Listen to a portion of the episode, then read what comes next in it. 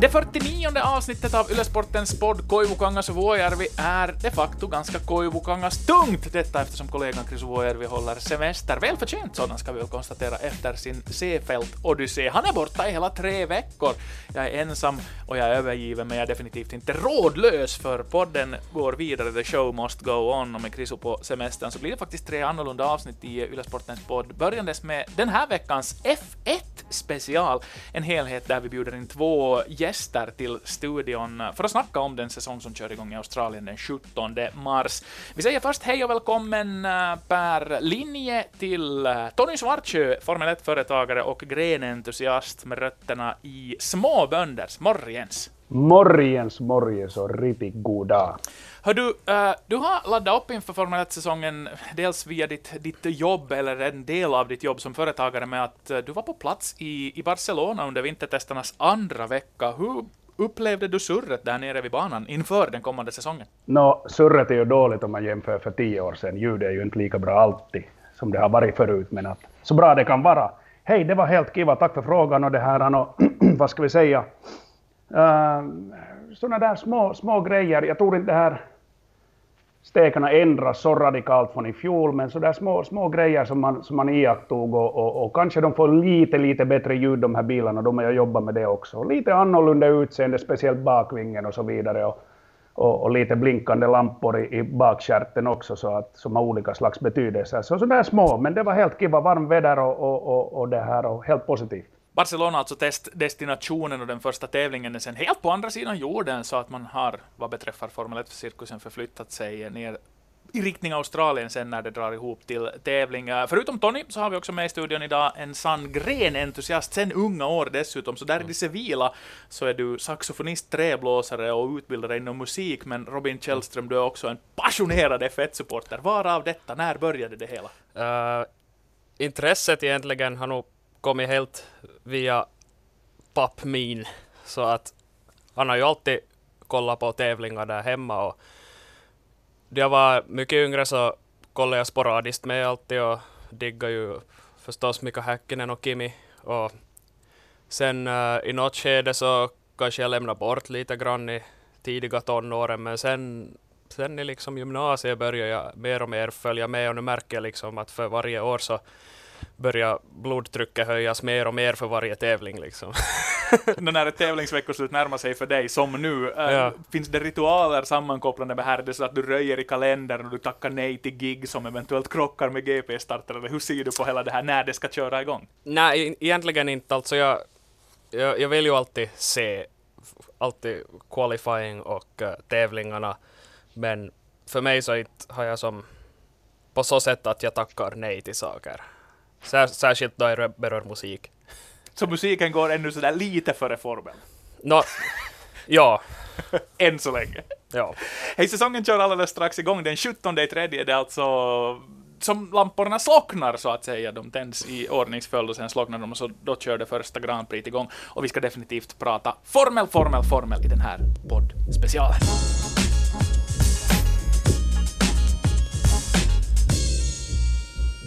Den kommande Formel 1-säsongen kommer att bjuda på någonting historiskt och för mig vackert eh, när också det 1000 Formel 1-loppet kommer att gå av stapeln. Det här betyder att det här är en serie med fantastiskt fina anor in på början av 50-talet.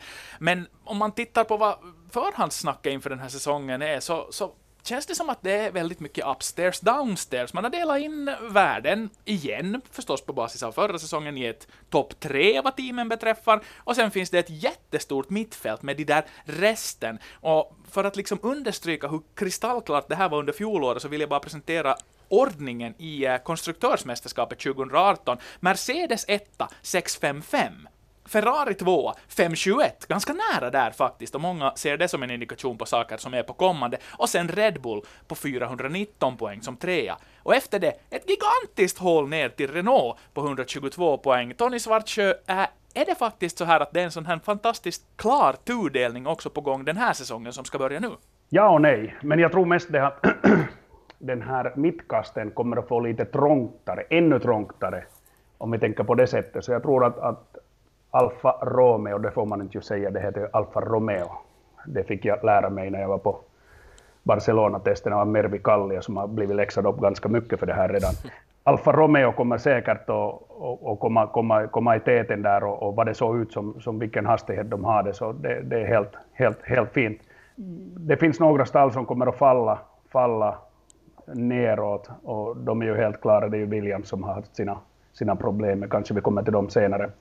Men eh, jag tror de här topptäten, det kommer att handla om samma, samma tre stall i rangordningen då, Ferrari, Mercedes, Mercedes, Ferrari och Red Bull som kommer kanske att sticka upp i, i somliga, somliga tävlingar. Och sen kommer det där gapet igen.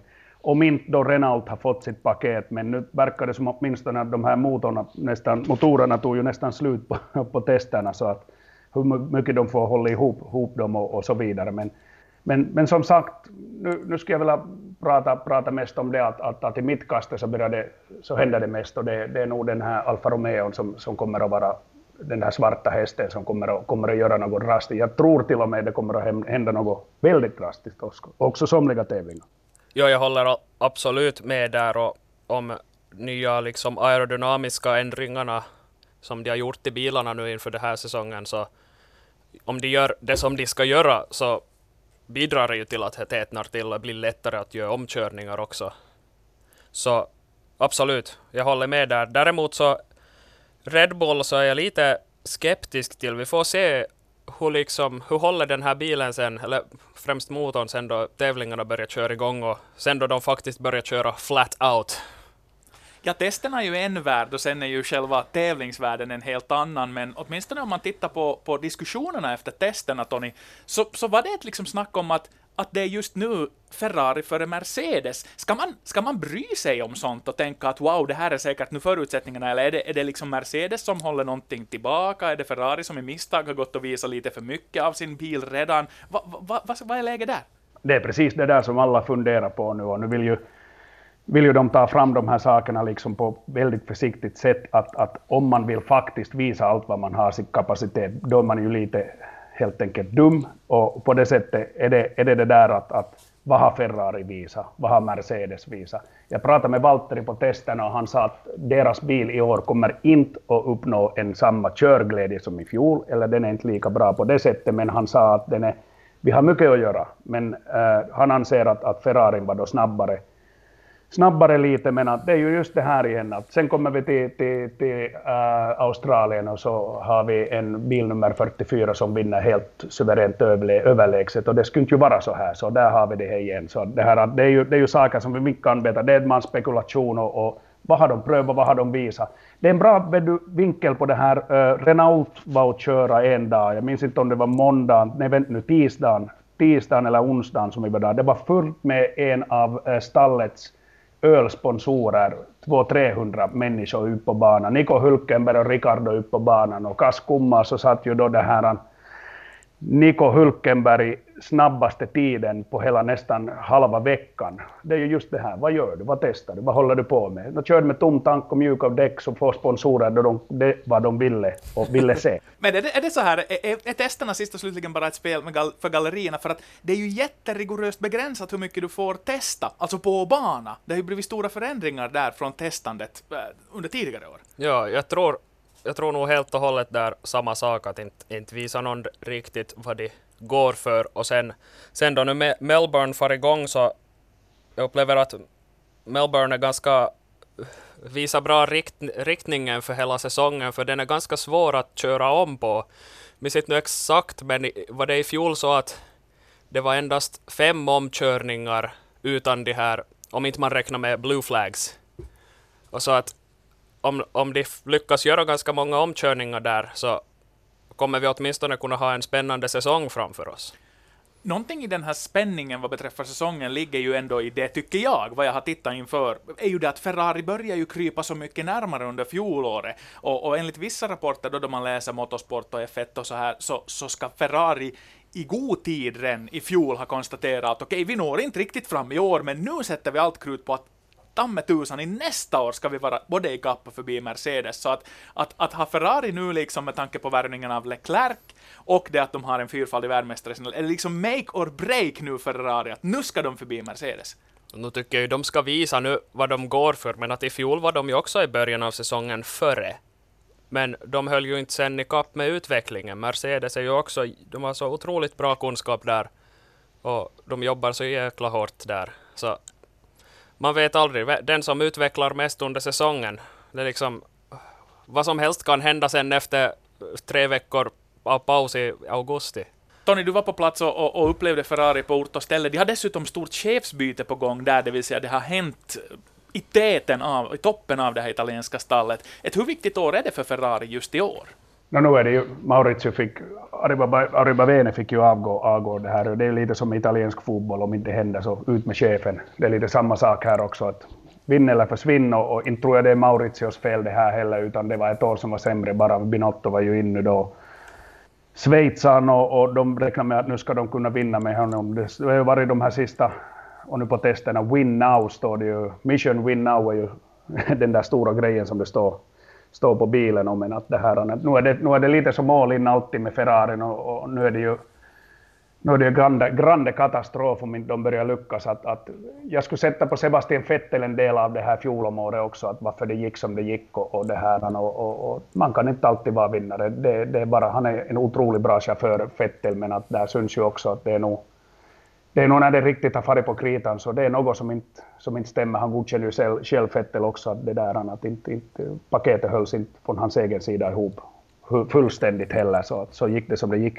Hur är det för Vettel då? Äh, med tanke på att äh, han nu sparras av en helt annan typ av förare. Tror du det påverkar hans mindset när han nu förväntas leverera och har Leclerc som parhäst? No, jag, tror inte, jag tror inte på det sättet. Han är ändå, ändå sån där lonely wolf, men att han var ju bra med Kimi på det sättet. De var ju alltid, alltid bra kompisar och, och, och på det sättet. Och, och, jag tror inte det här har det. Nu har han mer som läropappa kanske. Och, och Leclerc då kommer att ska vi säga, lära upp honom lite och få, men, men något på sätt så skulle jag önska med den, eller Klerken skulle måste få lite, lite fart, på, fart på den här Fettel på det sättet, att visa att hej, det, det är nog faktiskt, det blåser nog vindar härifrån också, att jag kan nog också, så att då kan det ju bli en ganska intressant säsong på det sättet.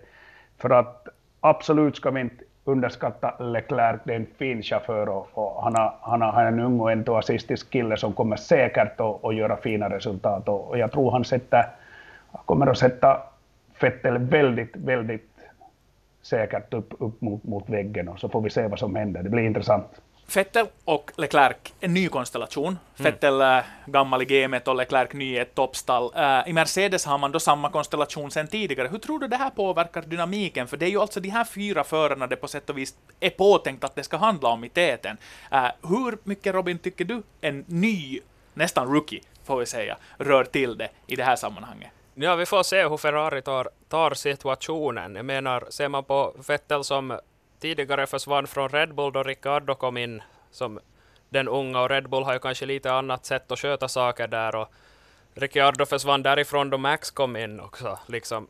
Så vi får se hur Ferrari liksom sköter den här saken internt. Men inte tror jag liksom att det blir så stor fight däremellan då, för Vettel är ändå jättebra på att köra de här qualifying laps. Han är, han är ändå en så pass bra chaufför.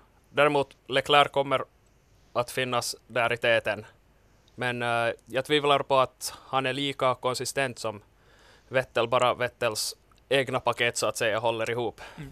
Blir det en rörigare säsong Robin om man tänker uh, på att det är ganska stora förändringar? Det är väl egentligen bara Haas som vi är nu ynna mot, och Mercedes som håller sina förare. I alla andra stall händer det mer eller mindre antingen en eller två rockader. Kommer vi att se saker att se annorlunda ut med tanke på att det är nya människor på nya poster? Nya förare, unga förare dessutom med i gamet. Ja, allt, allt kan ju hända alltså. Det är ju det är också trevligt då det lite rör, rörs om i kortleken tycker jag. Mm. Eh, på någon kolumn som jag läste på F1, eh, den officiella hemsidan Tony, så, så skrev man faktiskt om att att det här är en välkommen en, en generations, ett generationsskifte, att det är viktigt att det kommer in nytt blod. Uh, vi har bort Alonso nu, vi har Räikkönen bort från ett av toppstallen. Det har fallit bort en del tunga namn. Kubica kommer i och för sig tillbaka med mycket rutin, men, men hur ser du på den här generationsväxlingen på förarfronten? No, men hej, det är ju helt bra. Skulle man ha sagt det här för 20 år sedan så var det för kindergarten ungefär, det här som folk sa. Det är ju allt för unga chaffisar, de var ju mycket äldre då. Men det här det är ju helt välkommet, liksom. det är bra. Russell till exempel på Williams också, och sen som du sa skojigt, där blir det så att de kommer få varsitt håll med med Kubica.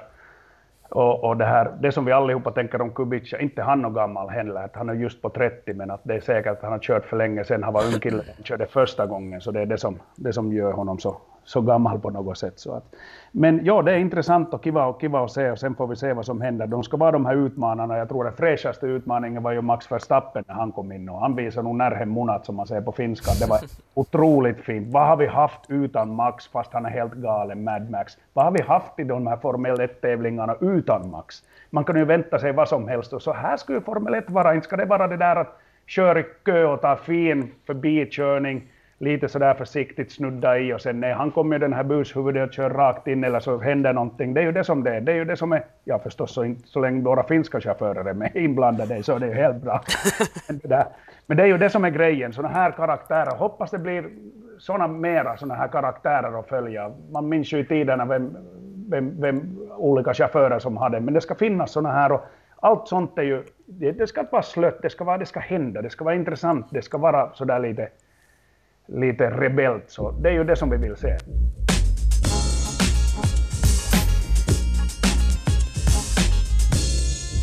Formel 1-cirkusen har under otroligt många år faktiskt varit en blåvit angelägenhet, någonting som Finland har brytt sig om för att finländare alltid har varit med om en, två, tre, fyra personer har rullat nära cirkusen, nu har vi två förare där och deltar. Kimi Räikkönen 40 år gammal, äh, tillbaka där allting startade, Valtteri Bottas kvar i världsmästarteamet som äh, en parhäst med regerande världsmästare. Om vi börjar med Valtteri Bottas, Tony. Alltjämt lite av en besvärlig sits. Världens bästa som parhäst. Äh, en hurdan säsong har Valtteri att se fram emot 2019? Vi ska säga på det sättet att, att så länge Lewis Hamilton finns, så länge han gör resultat, så är han alltid nummer två. Det är bara fakta. Den där nacken, den där Hamiltons nacke måste brytas. Och det är där i början av säsongen, om inte han tar det, så då får han vänja sig till det. Men uh, nu är alla, ska vi säga, se med blåvita ögon på Kimi, vad Kimi gör, vad Kimi har gjort. Ingen ser till att vi har en toppenchaufför också, ett annat stall som jag säger då, Valtteri här. Det där och ingen skulle notera det att Valtteri har slutat en klar tvåa, inte en klar men tvåa, om inte han hamnar avbryta de här tävlingarna. Vi hade Baku, Österrike, Spanien. Det var ju liksom fina poäng som försvann och, och allt från det här, så det har ju varit mycket enklare. Så inget, inget på det sättet, det sättet men att jag är helt av den orsak, or, åsikt i det här att, att, att eh, så han får, han får hänga sig om inte han bryter nacken på Hamilton. Det är bara så. Han får hänga där på en, på en, på en plats nummer två efter och, och det här. Det, det är fakta bara. Att, det måste visas i början att det finns en språng och, och det här. Och, om ni minns på 2016 hur det gick också, så det var Hamiltons otur som lyfte Nico Rosberg till världsmästare och så han körde inte sig det på det sättet. Så det är något sånt, sånt som kan hända. Eller så har han kommit på något, något, något sätt där han, där han kan helt enkelt bli bättre än Lewis. Och då när han ligger Lewis Hamilton under i något läge så har det alltid visat sig att då styr neråt hans väg efter det. Och det är ju det som behövs. Det behövs komma en sån där grej som Valtteri kommer på, var han kan ligga över på honom. Nu som bäst ligger de i, i, i Baku, Azerbajdzjan, och de ligger i Österrike och de ligger i Sochi. De här tre platserna är där han slår Hamilton alltid. Men de behöver finns tio till, det är det som är problemet. Robin, hur länge har han på sig då? Tony säger här att, att det måste äh, ske liksom ett ryck redan i början. Äh, vi har ett första GP-veckoslut och sen rullar cirkusen bara vidare. Äh, är det bråttom för Valtteri att visa var skåpet ska stå? Nå no, ja, då tycker jag det alltså. Man brukar ju näst alltid räkna med sånt här att Typ den, den, om en förare vinner de tre första tävlingarna redan så är det liksom stor sannolikhet att man vinner hela mästerskapet och det är nog ungefär inom de här redan tre tävlingars marginal som det be behöver liksom hända någonting. Att ha, ha Hamilton ett tillräckligt försprång där så nu, nu kommer ju Mercedes att välja sida då. Helt av taktiska orsaker. Men du tror inte att de har valt sida redan? Det vill säga du har en femfaldig världsmästare, kungen, ja. liksom veteranen. Är, är det inte hans mm liksom ja, tjänstren. No, no, nu pratar jag ju inte utifrån fakta. Tony vet säkert mer än vad jag vet om det här, men som man har nu sett så verkar det ju som lite att kontraktet har en liten number two åt Valtteri där. Är det så Tony att, att utgångsläget är att de har en etta två? Ja och nej. Det är ju bara så att det här annat, nu pratar jag mer om Ferrari då. Det var ju klart att i fjol hade det och det kontraktet som Kimi kom tillbaka med, så, så, så var ju faktan den att det var ett kontrakt mm. som, som, som säger att som säger att det här att du, du stöder så där kivat och du håller på med det där och det är ditt jobb. Men det här... ja, jag skulle kunna säga att, att de pengarna som, som Lewis Hamilton tar in till Mercedes så kan jag förstå det, ja. Men och, och dessa sidor så tänker man också att, att de här, den här äran att hålla sig ändå, ändå det här och, och få, få liksom världsmästerskapet. Man kan ju inte vända sig till ena ena sidan av båten tills den hjälper, utan då måste man hålla det i balans också. Så i något skede, så det är ju, vi ska säga att det är mycket lättare för Lewis Hamilton att vinna världsmästerskapet. Låt, låt oss säga så. det var ett ganska diplomatiskt mm. uttryckt. Uh, Lewis Hamilton är ju som förare uh, lite äldre, lite mer erfaren, lite tyngre, lite globalare brand också med tanke på att han är britt. Uh, men vi har Valtteri Bottas där. Valtteri Bottas framtid som Formel 1-förare, hur mycket är den, är den står den och väger just med den här säsongen? Ja, alltså där, där är jag faktiskt lite... Jag har inte riktigt något mycket att komma med i den frågan egentligen. Alltså det beror ju helt på... Ja, fortsätter Lewis och gör han det så då kan det ju finnas stora chanser att den här vad hette han nu som hamnar bort, Sebastian Ocon, att han, han kommer in istället. Det, är ju, har det ju spekulerats mycket om. Och då i så fall är det ju det att blir det några andra pajkor ledig hos andra stall. Och nu är ju Bottas erfaren och kör väldigt, väldigt konsekvent liksom. Så inte, inte tror jag att han försvinner för det. Så att, eh, är det så Tony att, att Walter är den här killen som nog levererar men han har inte absolut det där toppnamnet? Har han och Ocon som, som flåsar sig i nacken? Inte upplever jag det inte. Han har nog tillräckligt bra kontakter och grejer och, och, och vi ska säga har visat Mercedes att det, det, det, finns fart och det finns grejer. Det är inte frågan om det. Men han får säkert hålla sin, hålla sin post på det sättet, det sättet nog, men att, att, att det här, inte, inte upplever jag det som någon, någon hot någonstans ifrån. Att jag skulle säga mera det att det är att hålla sig, om inte något annat, om inte man kommer före Lewis, håll sig i täten efter så det är det secure. Det är det bästa man kan göra. Att, att, att det är bara fakta. Ja, poängen ska ju samlas i konstruktörsmästerskapet, så att det räcker ju inte bara med att Lewis Hamilton går från klarhet till klarhet. Du måste ha en kille som fyller upp med poäng för att, nu med tanke på att Ferrari flåsar i nacken. Hej, på tal om Ferrari, äh, som ju då blev av med sin senaste världsmästare. Det börjar vara ganska många dagar sedan Ferrari har haft den titeln och Kimi Räikkönen, 40 år gammal, återvänder nu då till det som hette Sauber och som blev Alfa, hur var det nu igen Tony, Alfa Romeo eller Romeo? Alfa Romeo. Alfa Romeo. Äh, tillbaka till rötterna någonstans, verkar trivas ganska bra med det här beslutet. Äh, Tony, när du för det första nåddes då i tiden av det här beskedet att, att det blir en fortsättning, hur, hur tänkte du då på Räikkönens framtid som förare? Jag tycker det var ett positivt beslut, för att det här, vi såg ju vad som hände på Renault till exempel i tiden, eller Lotus när han körde. Så det var ju helt suveränt och, och, och Kimi gör inte någonting vad han inte skulle vilja. Så att det, det är ju någonting som, han är, verkar mycket mer så där lugnare och öppnare som ni har märkt i medien kanske också, att han är mera, han är mera öppen. Nu får han göra vad han vill, han får själv bestämma. Han är inte någon, någon koppel för Ferrari där han blir liksom ledd till det man måste göra. Så nu, nu, nu känns det på det sättet att det här var en positiv sak och det här är en grej som, som han vill göra han är så pass gammal att han behöver inte köra, han har pengar, men bara för att han vill göra det, bara för att han, han älskar det han gör, så därför gör han det. Robin, en sån konstellation, att man liksom är kör för att, att det är filis. Nej men absolut ska han göra det och det hör ju helt klart hemma i hans personlighet också, helt och hållet. Så jag tvivlar inte på att det kan hända saker där. Han är ändå så otroligt duktig med att utveckla bilar. Ja, det här lyfts ofta fram, om man till exempel läser Kari Hotakainens bok så kommer det också fram att, att han, han är en sån här kille som verkligen kan. De har åkt paketbil runt om i Europa och han har skruvat själv och han kan den här tekniken.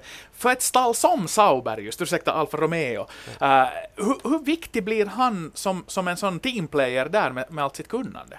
Jag tror nog att han, han kommer att bidra med väldigt mycket bra input där.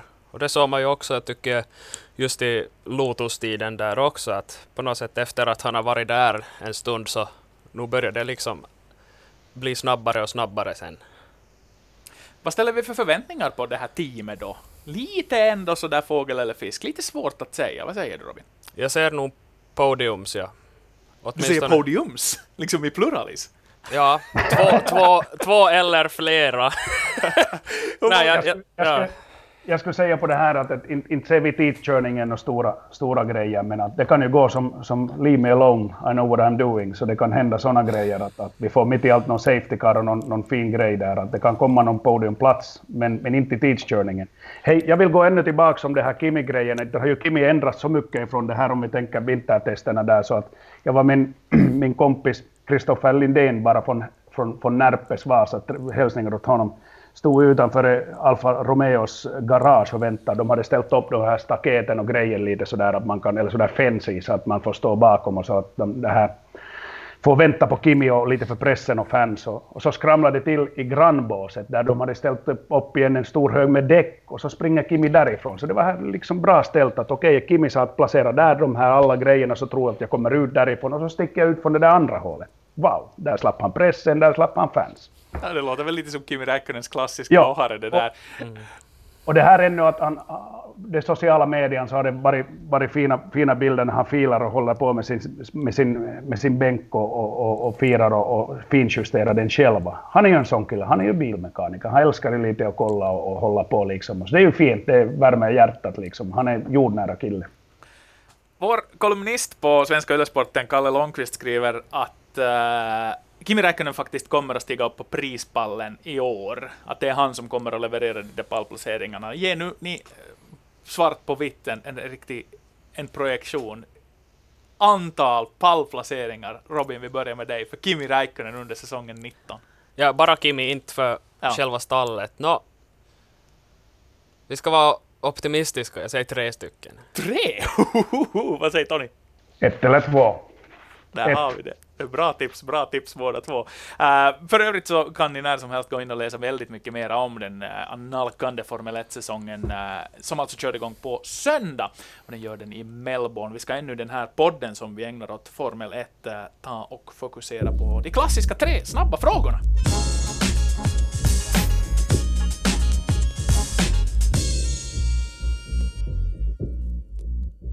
Avslutningsvis halvlek nummer tre av uh, Ylesportens podd Koivukangas och Vuojärvi minus Vuojärvi de senaste, eller kommande tre veckorna ska jag säga, uh, tar avstamp i uh, frågor och vi låter Tony börja med att ställa den första frågan som vi sen alla svarar på i turordning. Varsågod.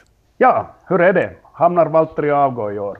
Och nu måste du specificera. Avgå efter i, år eller under efter, i år? Efter denna säsong. Vad tror ni? Vad tror ni? Hamnar han och sluta efter i år? Vid Mercedes eller som efter- förare?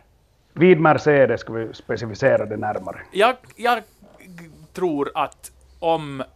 Oj, det är så mycket om involverat här. Alltså, om inte han levererar, alltså om, om det blir bara en sån här ynna motsäsong, det vill säga att han är en bra parhäst och Lewis är tydligt bättre, antingen via tur eller skicklighet, och han är liksom den där, den där dussinföraren, så tror jag att, att Valtteris tid vid Mercedes är all. Det här är bara magkänsla. Robin? Mm, på något sätt så tror jag och hoppas jag att Valtteri kör lika bra som han brukar och då har han nog in, ingen orsak att måste avgå. Tony? Du får svara själv också. Jag funderar. Nej, men som jag redan konstaterade här innan att, att, att det här att det är nog bara att hålla sig samma, samma fin grej som hittills och, och stå, stå efter det här. Som jag sa, du är precis så bra som du har förklar, eller klarat dig i, i säsongen och, och avbrytningarna ska man lämna dit. Och nu ska vi inte bara blint titta på de här eh, avbrytningarna av, som, har, eller, som bilen och tekniska skäl, men, men, men tänk, tänk på det att vad det skulle ha blivit av om bilen skulle ha kommit i mål. Det är Jossittelua, men jag menar på det sättet att håll dig där bra efter din stallkompis och var helst före, så det är inget problem. Då är det helt coolt. Så vi är eniga om att uh, två tredjedelar av poddens deltagare är åtminstone om att det finns en framtid vid Mercedes för Valtteri Bottas. Hej, fråga nummer två, den kommer jag att ställa. Uh, favoritfilm då det kommer till filmer med motorsport som tema, det vill säga antingen som delplott eller någon, någon, någon beröring med motorsport. Favorit motorsportsfilm, Robin? Den här Rush, Ah, vad heter han? Alan? Nej, vad heter huvudpersonen? James Hunt James Hunt, inte Alan. och Niki Lauda. Exakt. Ah, ja, men det är ju en klassiker i genren. Den nämns väldigt ofta. Har du Tony någon favoritleffa? Uh, jag skulle säga absolut att det är Williams, den här Family Movie som berättar om, om dokumentären om Williams från, från första början, Frank som bilförsäljare till, till det, som, det som hände och till dagens läge med, med, med, med, med Claire i spetsen och, och det här. Det var, det var otroligt fin film och så där väcker fina minnen och på det sättet och känslor också, så den har, den har varit sådär min favorit. Det är sådär dokumentärmässigt, men den, den finns på den finns på, på, på stream också så man kan titta den när som helst. Den är, den är fin. Bra poäng, den måste jag nästan titta på. Du har sett den Robin? Ja, det var, jag, jag satt faktiskt och funderade på, ska jag ta den eller Rush?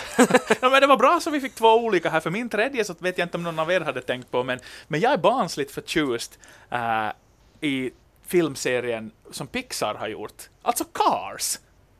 Eh, ettan en klassiker, tvåan kanske bäst, trean med sitt sociala obehagliga patos nästan lite dålig. Alltså storymässigt, men det är ändå bilar och med tanke på att vi i vårt hushåll växte upp med de där bilarna och bland det första som äldste sonen läste var eh, listor på de här bilarna, han kunde nämna dem vid namn allihopa och sånt här. Så att liksom Cars filmserien, den har jag alltid gillat då det kommer till filmer med motorsport som tema. Eh, liten guldstjärna åt Talladega Nights. Löjlig, men ändå underhållande. Avslutningsvis tredje frågan, den kommer från dig Robin. Ja, Slutar Hamilton om han inte vinner mästerskapet detta år? Alltså väljer han att sluta? Tony får ta den först. Jag tror Lewis kommer ändå sluta om han vinner eller inte världsmästerskapet. Så att uh, det börjar bli räcka i småningom. Han, han vill komma över det här rekordet, om det kommer eller kommer inte. Jag tror det blir ändå det där att det börjar räcka.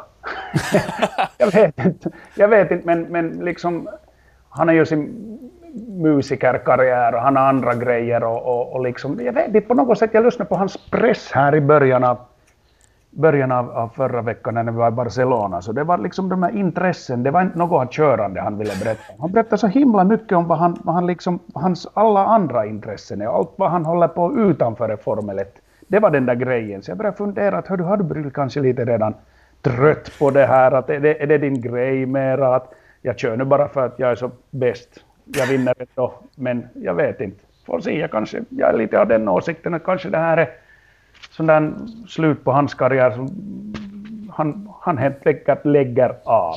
Blir det hur det blir. Mm. Det är mm. min åsikt. Går att göra en Nico Rosberg, men lite senare på det viset. Han lagar nog av på ett märkligt, märkligt sätt. Men äh, före du Robin själv får svara på den här frågan så, så tror jag faktiskt någonstans att, att, att han också, oberoende av hur det går, kastar in handduken, men framförallt om och då han tar ett sjätte världsmästerskap. För att, att eh, under rubriken Quit while you're ahead. Uh, nu har ju Kimi sen sitt senaste världsmästerskap inte riktigt gjort det, men han älskar att köra och han är Kimi. Men, men kanske lite också med tanke på det här som Tony säger så, så kan det hända att det, det är färdigt. Men vad tror du själv då? Jag tycker att Tony lyfter fram väldigt bra poänger där. Alltså, om man lyssnar på F1 Beyond the Grid podcasten där Lewis är med så inse, får man ju höra hur otroligt många järn i elden han har utanför själva motorsportvärlden. Så jag tvivlar inte alls på att han känner ett kall att liksom, satsa mera på de här sakerna. Däremot så får vi se sen liksom i Abu Dhabi eller redan i Mexiko att då han väl vinner, hur känns det då? Ska vi ta mera? Liksom. Ja, segern. Jag, tror, jag tror det. Ja.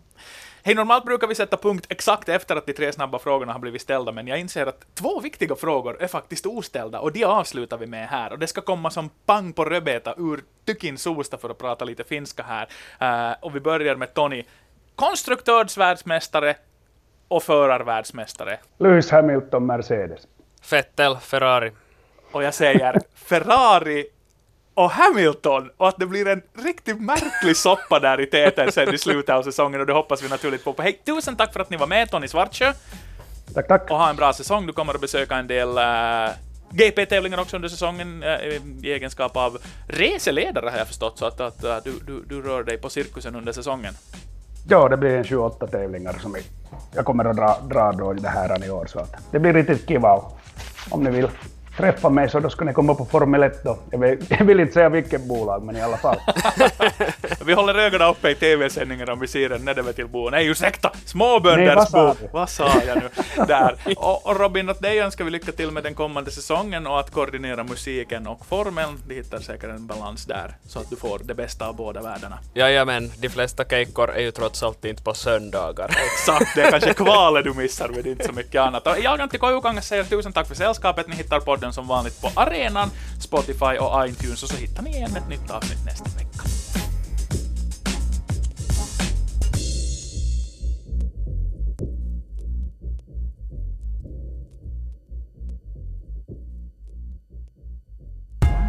Det här är en Svenska Yle-podd.